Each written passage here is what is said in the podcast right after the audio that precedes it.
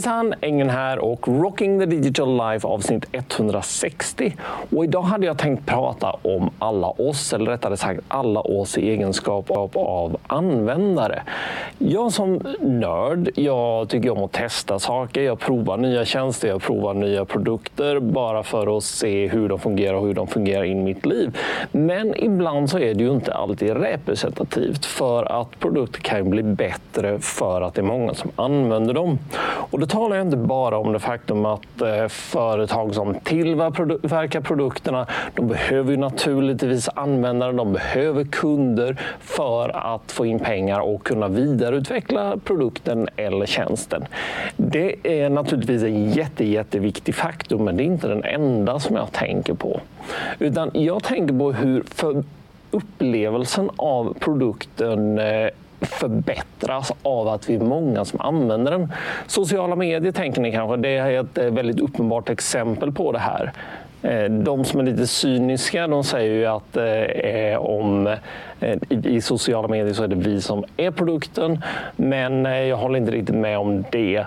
Eh, men däremot så kan man ju absolut uppleva att eh, om ingen skulle använda till exempel Instagram så hade det inte varit speciellt roligt att vara där för att ingen hade sett dina bilder och eh, dina bilder hade, eh, de hade varit helt ensamma där. Du hade inte sett någonting själv heller för att eh, det hade väldigt, väldigt, väldigt snabbt blivit tråkigt.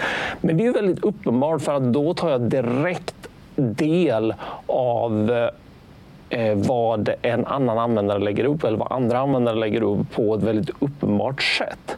Men det finns, finns ju faktiskt andra saker också som, eh, som är kanske mindre uppenbara. Någonting som jag pratade om i ett tidigare avsnitt är ju det här med Google Maps och GPS. Eh, som ni kanske har sett om ni slår på trafikinfo i eh, eh, Googles navigering så får ni röda streck på vägarna ifall det är bilköer till exempel. Eh, eller om eh, trafiken på något sätt går långsamt så vet ni det. Och anledningen till att Eh, eh, Google har den här datan det är ju för att eh, alla vi som använder mobiler med Google Maps på, vi ger med oss av vår data till Google. Och Eh, Google gör ju, plockar in den här och ser att här är ingen ute och kör. Han kör på eh, riksväg 25 och det går i 30 km i timmen. Någonting har förmodligen hänt. Eh, vi ser dessutom att det är 25 andra personer som också gör det. Och då kan vi dra slutsatsen att eh, ja, men det här är ett problem. Och det här är ett väldigt, väldigt eh, intressant sätt att se hur vår data används för att förbättra för andra människor. Eh, det förbättrar naturligtvis eh, tjänsten för Google, vilket gör oss mer benägna att använda den. Men framför allt så är det ett värde som tillförs av att eh, jag väljer att dela med mig av min data. Även om man kanske inte alltid är medveten om att man gör så. Ett annat sådant exempel det är ju de här olika typerna av trackers som finns. Den som jag använder är ju den som heter Tile. Den ser ut så här. Den eh, kan man sätta i eh, nyckelknippan eller på vad som helst.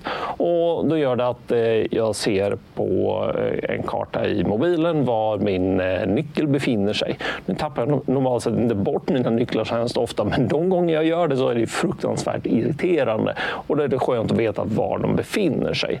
Eh, barn tappar väldigt ofta bort nycklar, det gjorde jag i alla fall när jag var barn.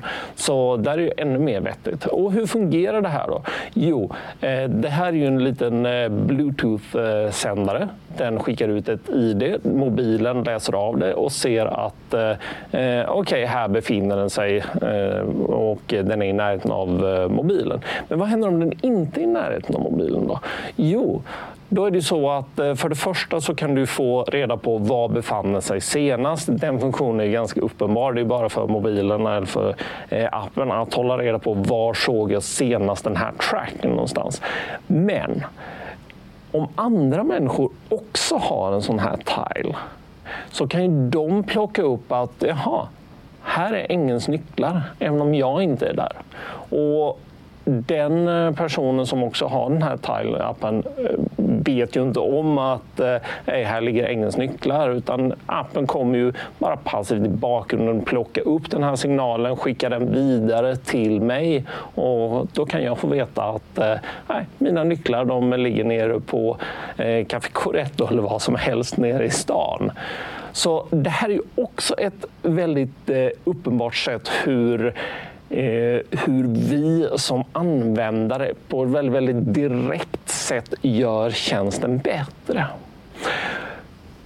Sen är frågan, vad har jag för poäng med det här då? Jo, min poäng är väl kanske att eh, eh, vi ska fundera lite grann på det här.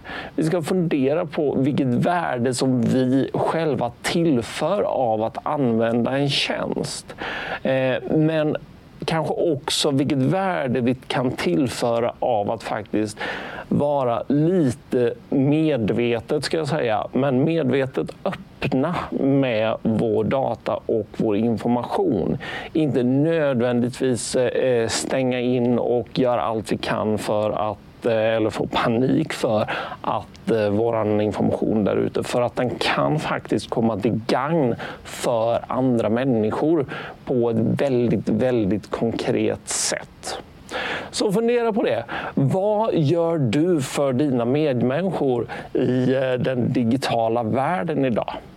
Och det här var Rocking the Digital Life. Ni hittar det på Youtube, ni hittar det på diverse podcastspelare som Acast eller eh, Apple Podcasts eller eh, Google Podcasts eller massa andra ställen.